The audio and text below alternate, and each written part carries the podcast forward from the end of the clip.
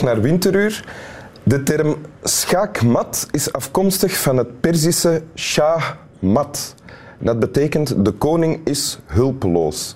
Dus schaakmat heeft niks met mat te maken. Met een mat. Voilà. Dankjewel. Dat is weer al een misverstand hè. dat uit de wereld Ja, is geholpen. want dit programma is eh, behalve entertainend ook stichtelijk. Die vinger was te dicht. Dat is waar. En welkom in Winteruur, Dank u goede wel. wachters.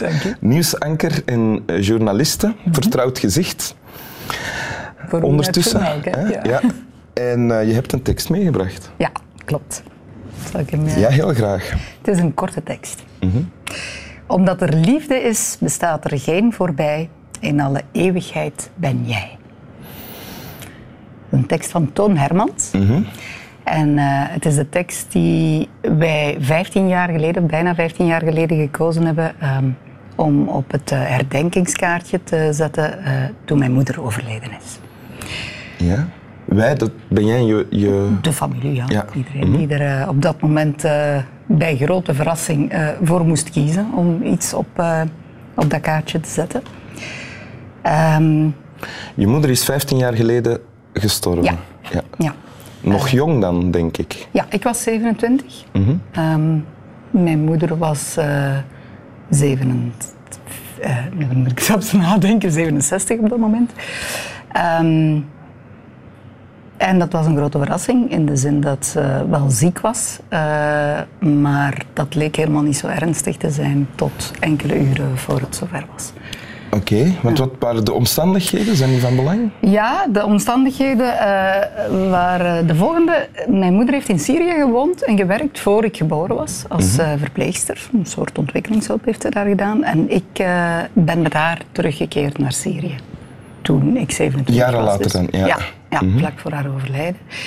We hebben daar een heel mooie reis gemaakt. We zijn ook naar het dorpje geweest waar ze gewerkt heeft. Ze is daar eh, als een koningin ontvangen, op handen gedragen, nog altijd, na al die jaren. Ja. Ehm, en onze bedoeling was Syrië en Jordanië te bezoeken. Alleen in Jordanië zijn we niet geraakt omdat ze eh, ziek was. Ze had heel veel pijn in haar buik. Dus we zijn vervroegd teruggekeerd.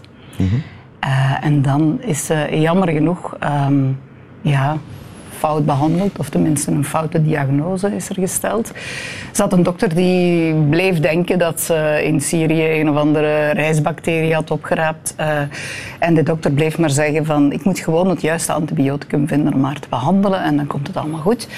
Maar dat duurde wel heel lang en het ging eigenlijk wel achteruit. Alleen ja, de diagnose bleef dezelfde, dus eh, we waren ons niet echt van eh, veel kwaad bewust. Tot helemaal op het laatst is ze naar een ander ziekenhuis gebracht en daar kwam dan meteen eh, de verschrikkelijke diagnose dat ze een ehm, darminfarct had.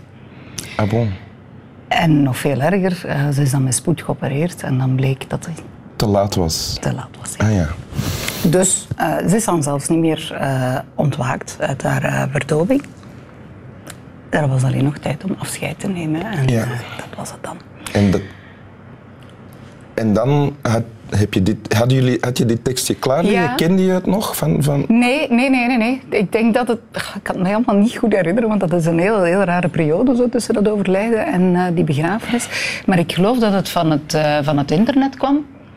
Ehm, wat ik mij wel nog herinner, is dat ik me er weinig bij kon voorstellen op dat moment, maar dat er een soort hoop in zat van dat het dat ooit zou kunnen worden.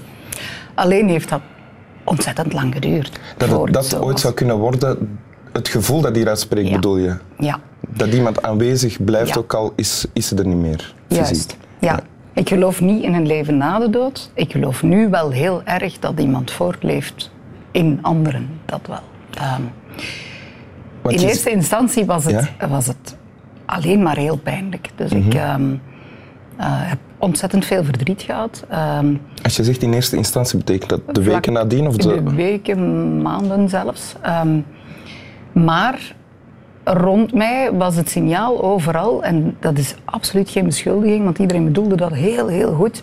27 jaar was ik en het was echt zo van, kom aan meisje, we moeten voort. En eh, kop op, en er valt nu toch niks meer aan te veranderen, dus... eh, hè. Dat zeiden de mensen met de beste bedoelingen, maar dat werkte averechts. Wel, ik vond dat eigenlijk zelf ook. Ik had mijn verhaal op een bepaald moment 325 keer gedaan. En ik dacht, ja, de 326ste keer gaat niks meer bijbrengen, brengt mijn moeder ook niet terug. Dus ik stop maar met mijn verhaal. Plus, ja, ik moest ook voort. Hè. De wereld draait en ik stond er naar te kijken en ik ben er dan maar opgesprongen. Ik heb geprobeerd om mee te draaien, maar voor mij werkte dat op dat moment absoluut nog niet. Omdat je verdriet nog niet verwerkt was. Ja. Absoluut, omdat dat alomtegenwoordig was, alles overheersend eigenlijk. Ik, ik, ik begreep ook niks meer precies. Ehm, dus dat heeft een tijdje geduurd en dan lukte dat niet meer. En ben ik stilgevallen, eh, eventjes. Niet heel lang, ik ben niet lang buiten strijd geweest. En dan ben ik terug beginnen meedraaien, terug beginnen functioneren en dat lukte wel. Alleen herinneringen waren heel pijnlijke dingen. En dat is, dat is heel moeilijk, want ik, eh, had dan de neiging om de herinneringen weg te duwen, er vooral niet aan te denken. Maar dat is ook nodig voor verwerking. Dus eh, het lukte zo niet om, om die twee te rijmen.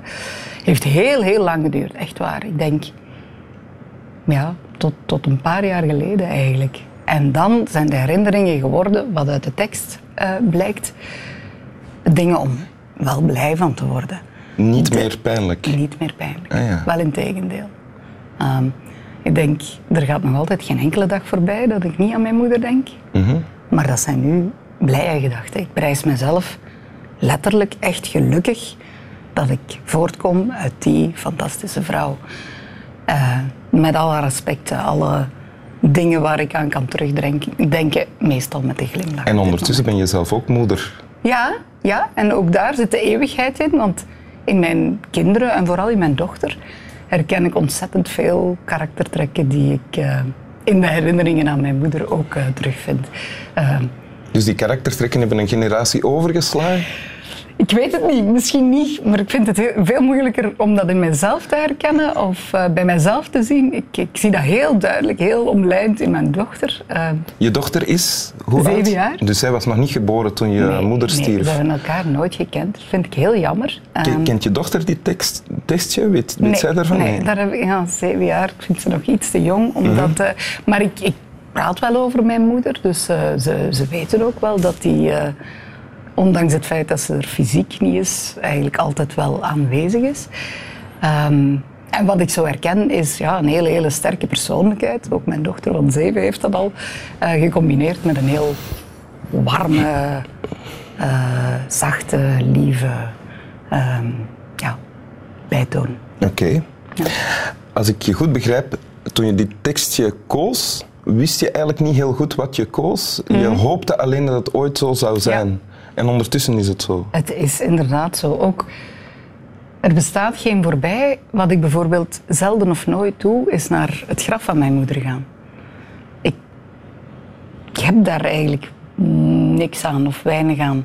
Mm -hmm. Ze zit begraven in mijn hart, om het dan zo maar eens te zeggen. Uh, dus ik, ik, draag ze mee. Ik heb dat niet nodig om fysiek naar die plek te gaan. Staat dit op het graf ook?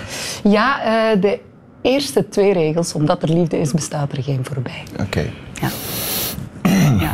Dus dat uh, is daar ook terug te vinden. Maar ja, ik, uh, ik hecht niet aan, aan die plek. Ik, ik, ik hecht aan de herinneringen en die draag ik overal mee. Oké. Okay. Ja. Ja.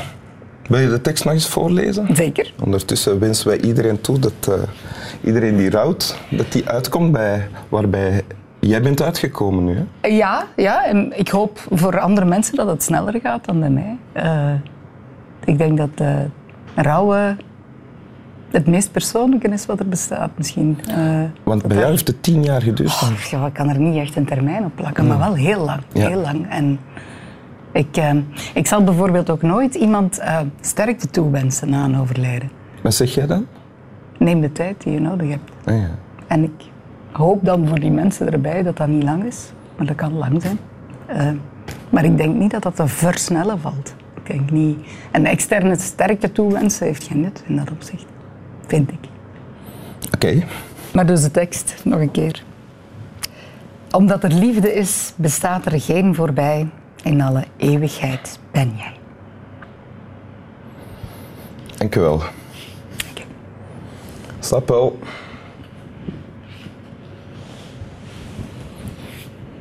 Hoe heette ze? Hilde Lemmes. Ik ging dag Hilde zeggen, maar ik durf niet, maar nu heb ik het toch gedaan. dag Hilde.